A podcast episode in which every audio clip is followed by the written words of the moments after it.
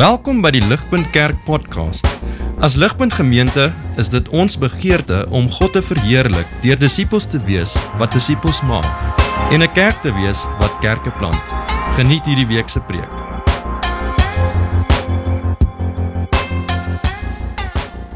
Dit is 'n harde realiteit dat jong mense oor die wêreld heen besig is om die kerk te verlaat.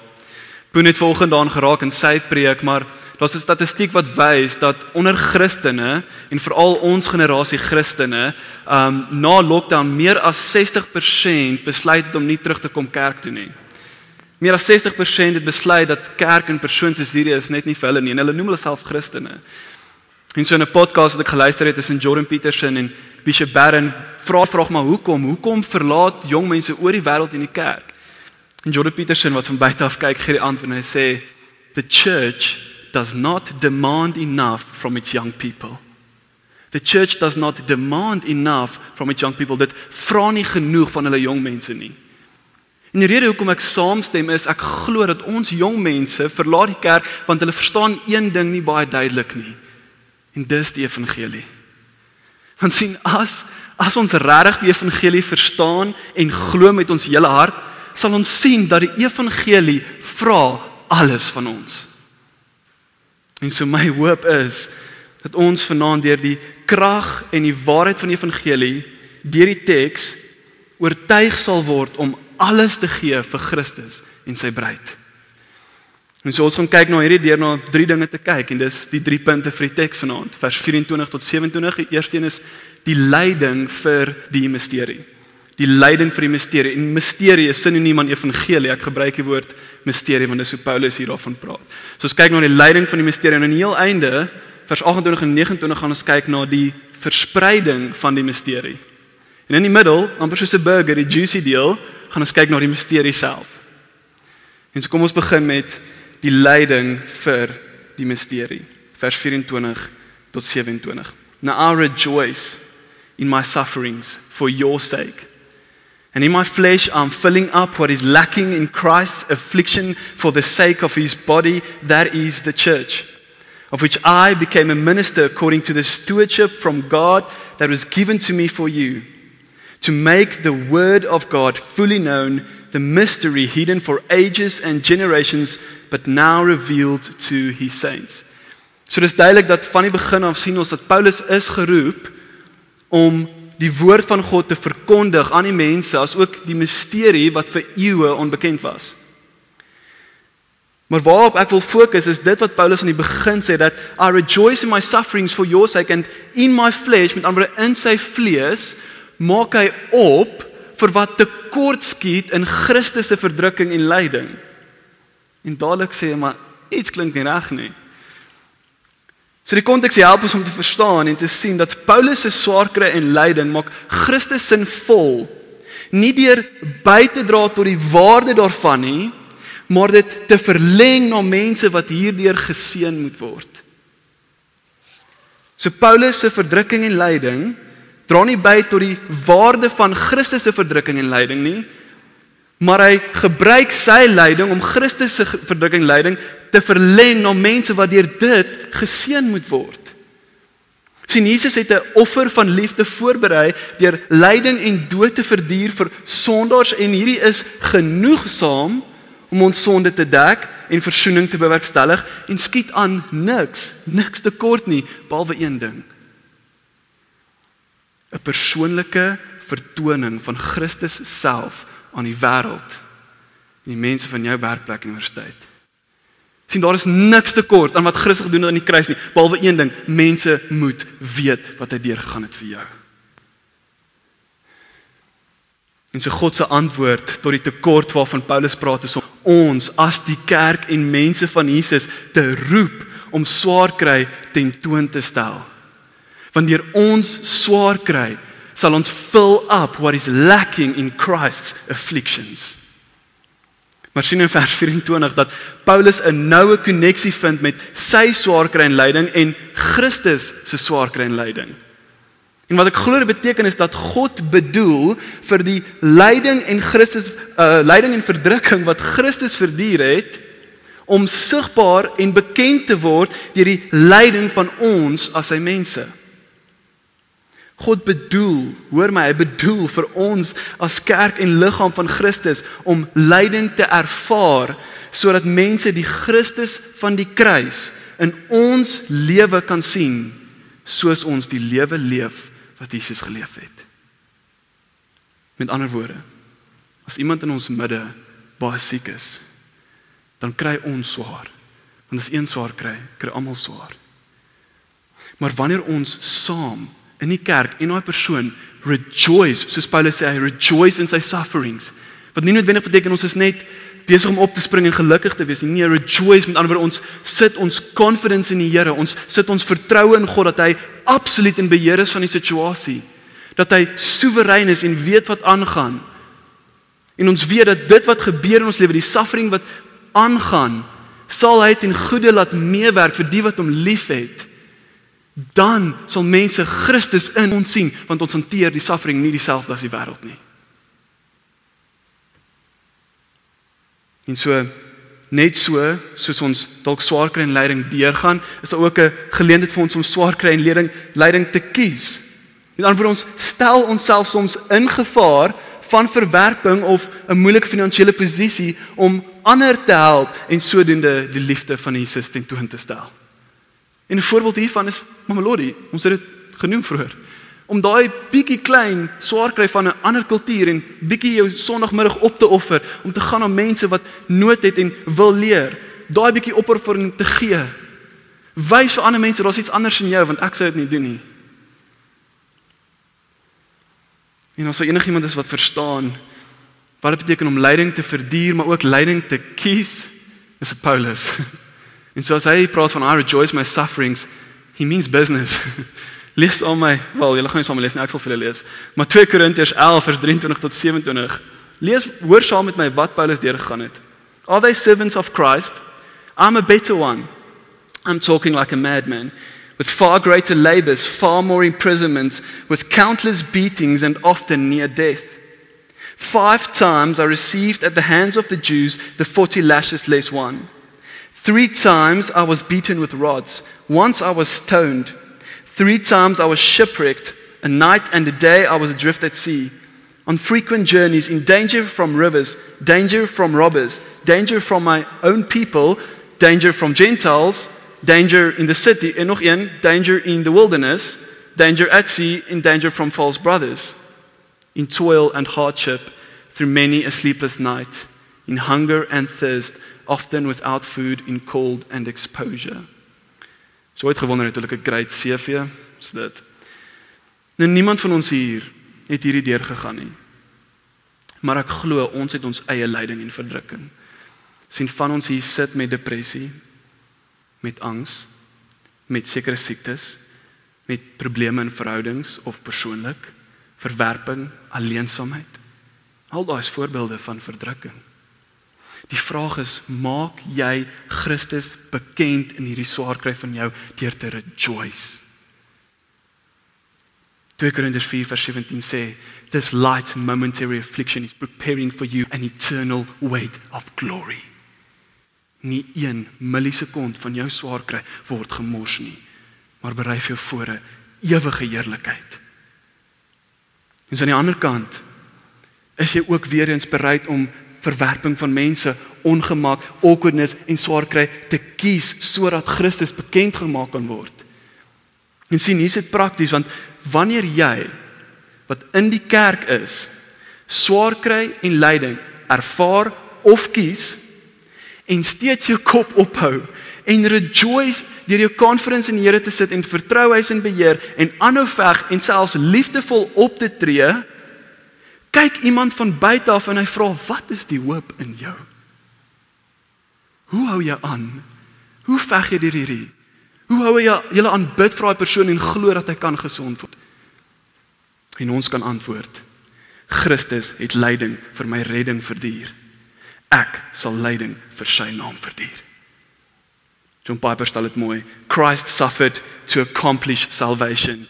We suffer to spread salvation. Dis die eerste ding wat ons sien, die lyding vir die misterie. Maar vir ons eindig by die verspreiding van die misterie, kom ons kyk eers na die misterie self. En dan vra ons onsself af, hoorie maar, is lyding vir hierdie misterie die moeite werd en en moet ek hierdie misterie versprei en ek hoop ons antwoord is ja. So kom ons kyk vers 27 die misterie self. To them God chose to make known how great among the Gentiles are the riches of the glory of this mystery, which is Christ in you, the hope of glory. Christ in you, the hope of glory. Dis dit. Dis waarvoor Paulus lyding verduur het. Christus in hom. Nou sit jy en sê, "Wel, is dit dit?" Dis dis drie woorde. En so ek gaan daai ontleed en ek wil eers moet sien hoe ongelooflik hierdie drie woorde is. Christ in you. Wie is hierdie Christus wat in my is? O ja, wag, Johan het hele paar weke terug gepreek hierop. Bietjie vroeër in Kolossense vers 15 tot 19. He, Christ, is the image of the invisible God, the firstborn of all creation. For by him all things were created in heaven and on earth, visible and invisible. Whether thrones or dominions or rulers or authorities, all things were created through him and for him. And he is before all things, and in him all things hold together. And he is the head of the body, the church. He's the beginning, the firstborn from the dead, that in everything he might be preeminent, supreme. For in him the fullness of God was pleased to dwell. Hierdie Christus, by the way, is in jou. Snap jy dit? God en alles wat hy is, is in jou. En as jy sê ek is, dan sit jy nog steeds daar en jy sê nee, ek vang nie. Maak dit duideliker. En sê vir ons drie maniere gee hoe om Christus in jou te verstaan. En die eerste een is geestelik. Christus is in jou eerstens deur die Heilige Gees.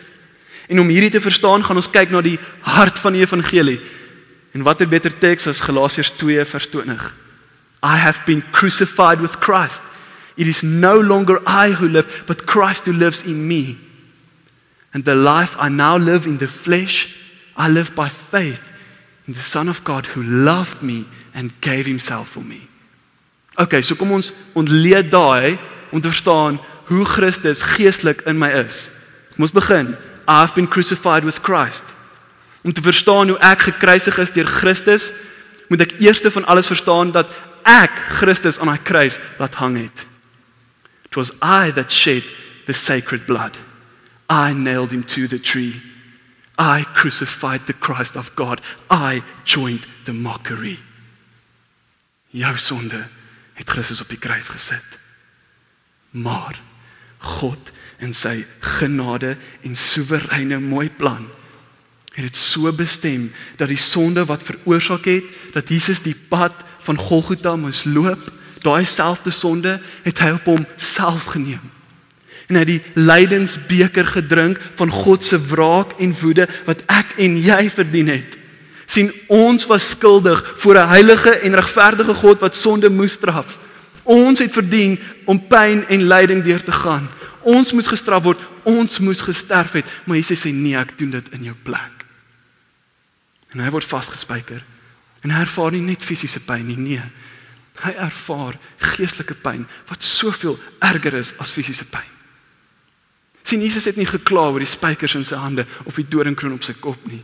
Hy het gesê, "My God, my God, why have thou forsaken me?" Want Jesus was geestelik geskei van God die Vader wat hy vir 'n ewigheid lank een was mee. God moes sy gesig wegdraai van Jesus toe hy sonde word in ons plek.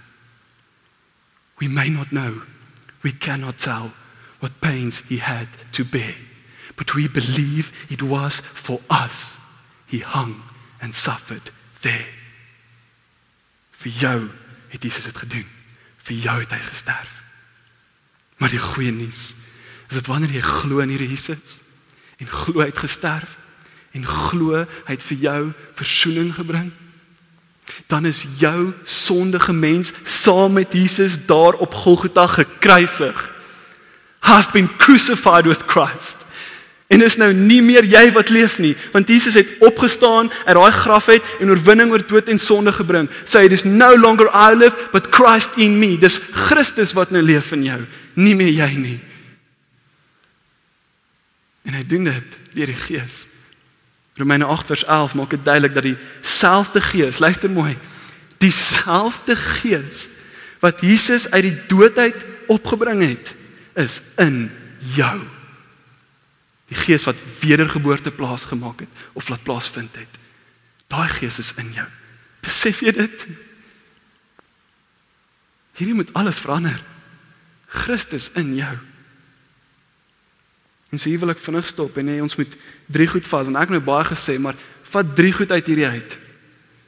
Vir die hart van die evangelie is 1 ons sonde is verskriklik. En 'n wreedagtige bloedige kruis maak dit sigbaar. 2. Luister mooi. God se liefde vir jou moet so wonderlik wees. Ons gedagtes sal dit nooit kan snap nie. Hy kon ons los vir verdoeming, maar hy kom agter ons aan deur sy seun Jesus. Dis genade onbeskryflik. En derdens, Christus se verlossing se geskenk. Hy het klaar die dierprys betaal deur sy bloed. Jy hoef niks te doen nie ontvang dit. En as jy hier sit en hierdie is nie vir jou en jy weet hierdie gees, hierdie gees wat Jesus uit die dood uit opbring, hierdie gees is nie in jou nie. Vra ek jou nou ontvang die geskenk van verlossing. sien jou sonde, sien die heilige God, maar sien dat Jesus in jou plek gesterf het. So dis die eerste manier hoe Christus in ons is. Net soos God die Vader, Seun en Gees een is, is ons en Jesus een deur die Gees. Die tweede manier hoe Christus in ons leef is deur geloof. The life I now live in the flesh, I live by faith in the Son of God who loved me and gave himself for me. So die manier hoe jy nou lewe is deur geloof, wat beteken ek glo my sondige mens is dood en gekruisig op Golgotha. Ek glo dat ek lewe het en krag het deur die Gees in my. Ek glo dat ek kan sonde oorwin. En so wanneer sonde voorkom, sê ek dis nie ek nie, dis Christus in my. Wanneer ek hoogmoedig en trotsvol raak, besef ek maar Christus is nederig en hy is in my. Wanneer ek kyk na goed wat ek nie moet nie, besef ek nee, Christus is heilig en hy wil niks met dit te doen hê nie. En net so gee Christus in my vir ons krag om lyding te ervaar soos ons gehoor het en motivering om Christus te versprei. Want ons weet hy is met ons. En so om hierdie bietjie nader aan ons lyf te bring. Ek was baie klein, soos laerskool graad 2, 3. En ek en my broer het saam met pa gaan kamp en ons het gaan visvang En ehm um, ons het so klein perstent gehad. Ek sal dit nooit vergeet nie. En so so slaan ons die tentjie op en ehm um, slaan nie tentpenne nie want my pa het glo ons lê dit tent vas. En ehm um, ons het ook nie 'n seil om nie want die lug was blou en my pa het 'n weervoorspeller geraak en besluit dit gaan nie reën die aand nie. En so so gaan ons en ons gaan slaap in daai tentjie. En ehm um, in die middel van die aand bars daar 'n storm uit en en ek beloof soos my pa sê vandag toe nog daai storm was erg. So ek was nie net klein en dit was alles erg nie. Um dit was 'n terrible storm. Die wind het gewaai. Dit het gesous. Um daar was weerlig en donderweer en daai tent het letterlik so, so gemaak. En sy was baie klein. Ek was verskriklik bang. Um en ek het al begin dink, wat gaan gebeur? Ek gedink die, die wind gaan ons vat na die dam toe en ons gaan verdrink en al daai dinge. Maar in dit alles my pa het gedoen en ek sal nooit vergeet nie. My pa het sy arms gevat en hy het om my lyf gesit en het my so vasgehou. Net het gedrup deur die tent, maar ewe skielik het ek nie meer nat geraak nie, nie meer koud gekry nie. Ek was nie meer bang nie. Ek het so veilig, so geliefd en so oortuig gevoel dat alles gaan oukei okay wees. Nou as dit is hoe my pa my kan laat voel in daai situasie, Imagine hoe moet dit voel as die koning van die heelal wat jou in jou moeder skoot bymekaar gewewe het vir jou sê hy woon in jou. Glo dit. En saam met dit besef ons niks kan ons keer nie. Geen storm kan ons oorwin nie. Nie eers die dood sal my onderkry nie want Christus het oorwinning oor dit gebring. En hy sê vir jou Christ in you is the hope of glory. 'n Hoop tot heerlikheid. Wat se heerlikheid praat hy van? Wel die heerlikheid om vir ewig en altyd eendag saam met hom te wees. So Christus in ons herinner ons daagliks aan daai hoop. Ek sal saam hom wees en ek sal alles hê en daarom gee ek nou alles vir Jesus want ek gaan eendag alles en soveel meer by hom hê. Tweede manier hoe Christus in ons is, is deur geloof, glo hierdie. Die derde en laaste manier hoe Christus in ons is is letterlik en fisies. En jy dink daai's weird, maar gee my kans. Um ek herken ek het nie hierdie op my eie gekry nie. Um maar ek weet nie wie van julle het en dit dit is alkal bekend, maar wie wie van julle het al gehoor van die woord laminin nie? Die woord laminin. So laminin is 'n protein molecule wat basies selle aan mekaar heg asook die fondasie is vir die bymekaar hou van jou organe. So in kort gestel, laminin hou letterlik jou liggaam bymekaar. Google verwoord dit as the glue that holds your body together. En so as ons vers 17 onthou van Kolossense 1 wat sê in him so in Christus all things hold together en ons sê dan okay hierdie Christus is in my Kyk nou hoe lyk 'n laminin molecule teens.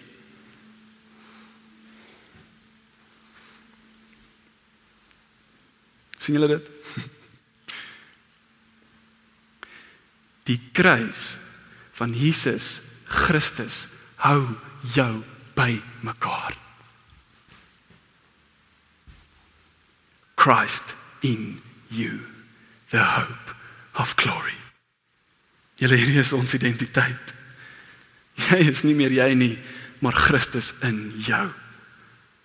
Ek's nie Ruben nie, maar Christus in Ruben. En so nou is die vraag met al hierdie hierdie drie maniere hoe in ons is deur die Gees, deur geloof en actually letterlik en fisies deur ons selle wat maak ons met hierdie? Wat doen ons met dit? Vers 28 en 29 die verspreiding van die misterie. Ons versprei hierdie. Him, Christus, we proclaim, warning everyone and teaching everyone with all wisdom, that we may present everyone mature in Christ.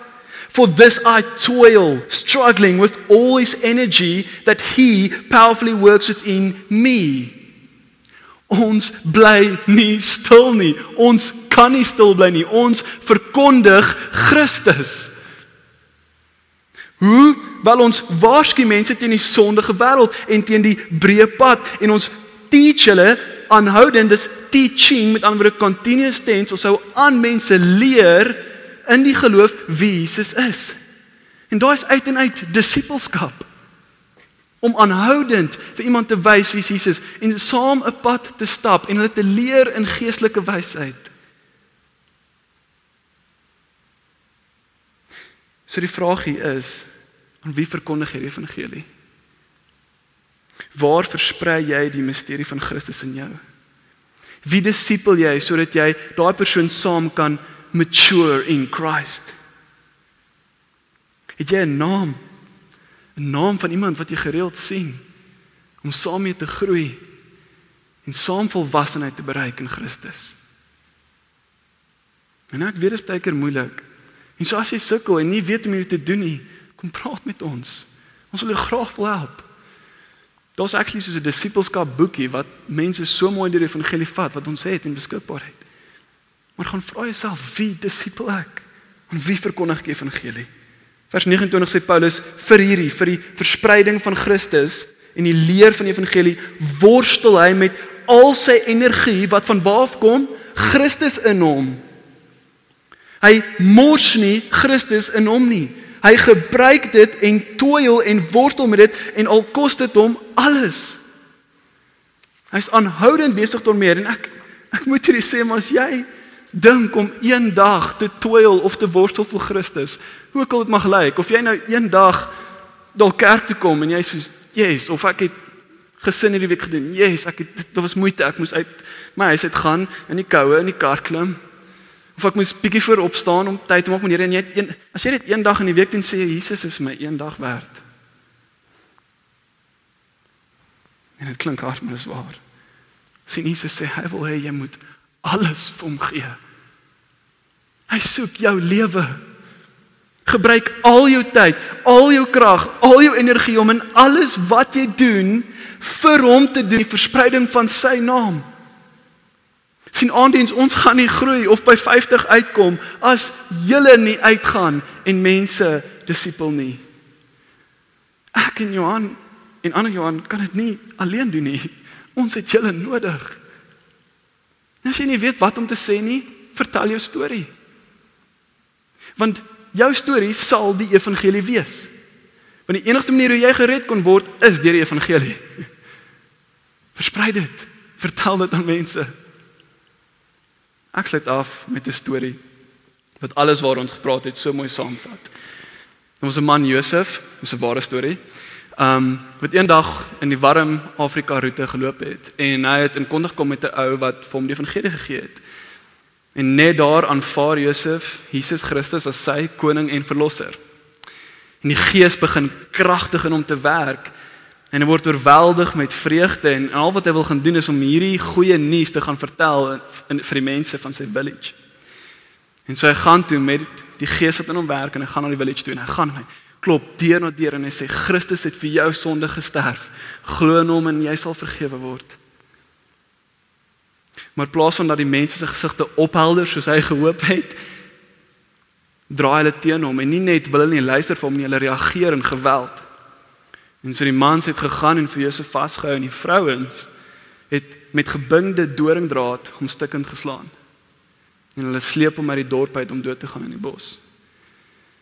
En so Josef het saam haar reg gekry om te kruip tot die naaste watergat en daarso vir dae binne en buite sy bewussyn begin hy stadig maar seker krag bymekaar kry. En so het hy weer kon opstaan en hy dink maar wat wat het ek verkeerd gesê? En hy gaan oor en oor en hy sê nee, dis Jesus, Jesus is die antwoord. En hy gaan weer terug. Mank loop hy daar tussen die hitte en hy probeer weer Jesus verkondig.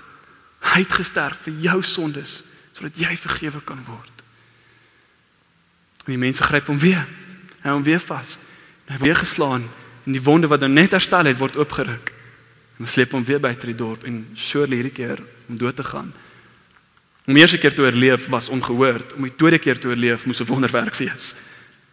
Maar weer vir 'n derde keer staan Josef op en hy gaan gedetermineerd om Christus in hom te verkondig. Nie keer nog nog voor hy iets kon sê, gryp hulle hom en soos hulle omslaan probeer hy iets van Jesus uitkry. Maar toe sien hy 'n vrou wat net voor hy sy bewussyn verloor het en terwyl sy hom geslaan het, begin uitbars het in trane. En Josef word wakker in sy bed van daai village waar hy groot geword het. En dieselfde mense wat hom probeer doodmaak het, het nou sy lewe probeer red. En daai hele, daai hele village het tot geloof gekom in Jesus. En nou moet ons onsself vra hoekom. Wel, ons boodskap vir aand. Eerstens, Josef het gegaan en lyding verduur vir Christus.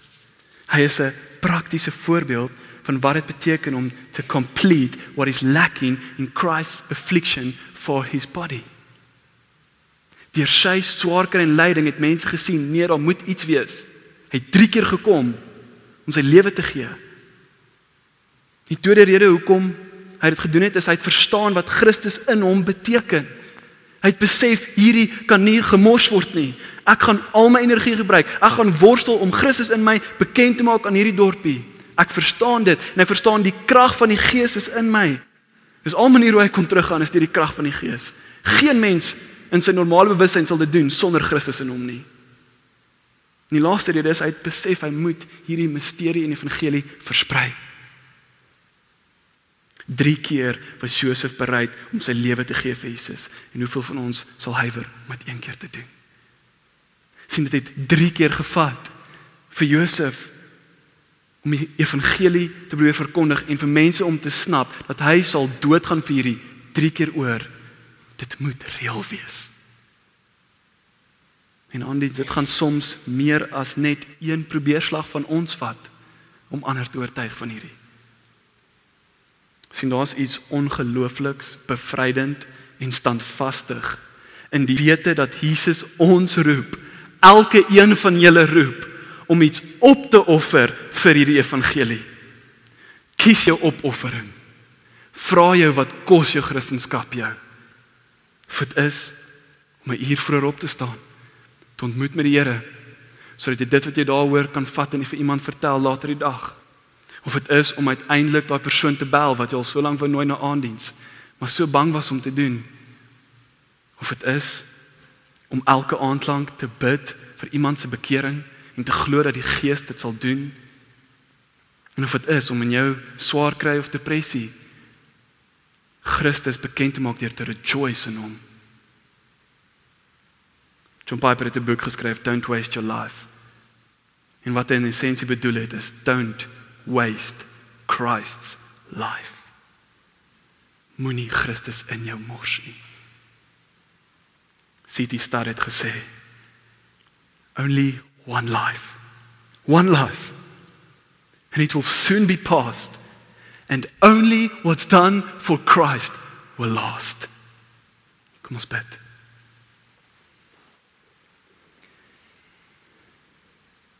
Here Jesus, ek glo U het vanaand gepraat met harte. Ek so tuig of van. Ek vra dat die Gees nou sal werk om daai saad te laat vrug dra. Mag dit nie net op bly en op harde grond val nie. Mag die vrug bring uit dit. Mag ons as aandiens gaan met die wete dat Christus is in ons en mag ons bereid wees om lyding te verduur vir u naam. En mag ons gemotiveerd wees om hierdie Christus in my te versprei en bekend te maak aan die mense daar buite. Here ons vra dit in die wonderlike naam van Jesus Christus ons verlosser. Amen. Vir meer inligting oor Ligpunt Kerk, besoek gerus ons webwerf op www.ligpunt.com of kontak ons gerus by info@ligpunt.com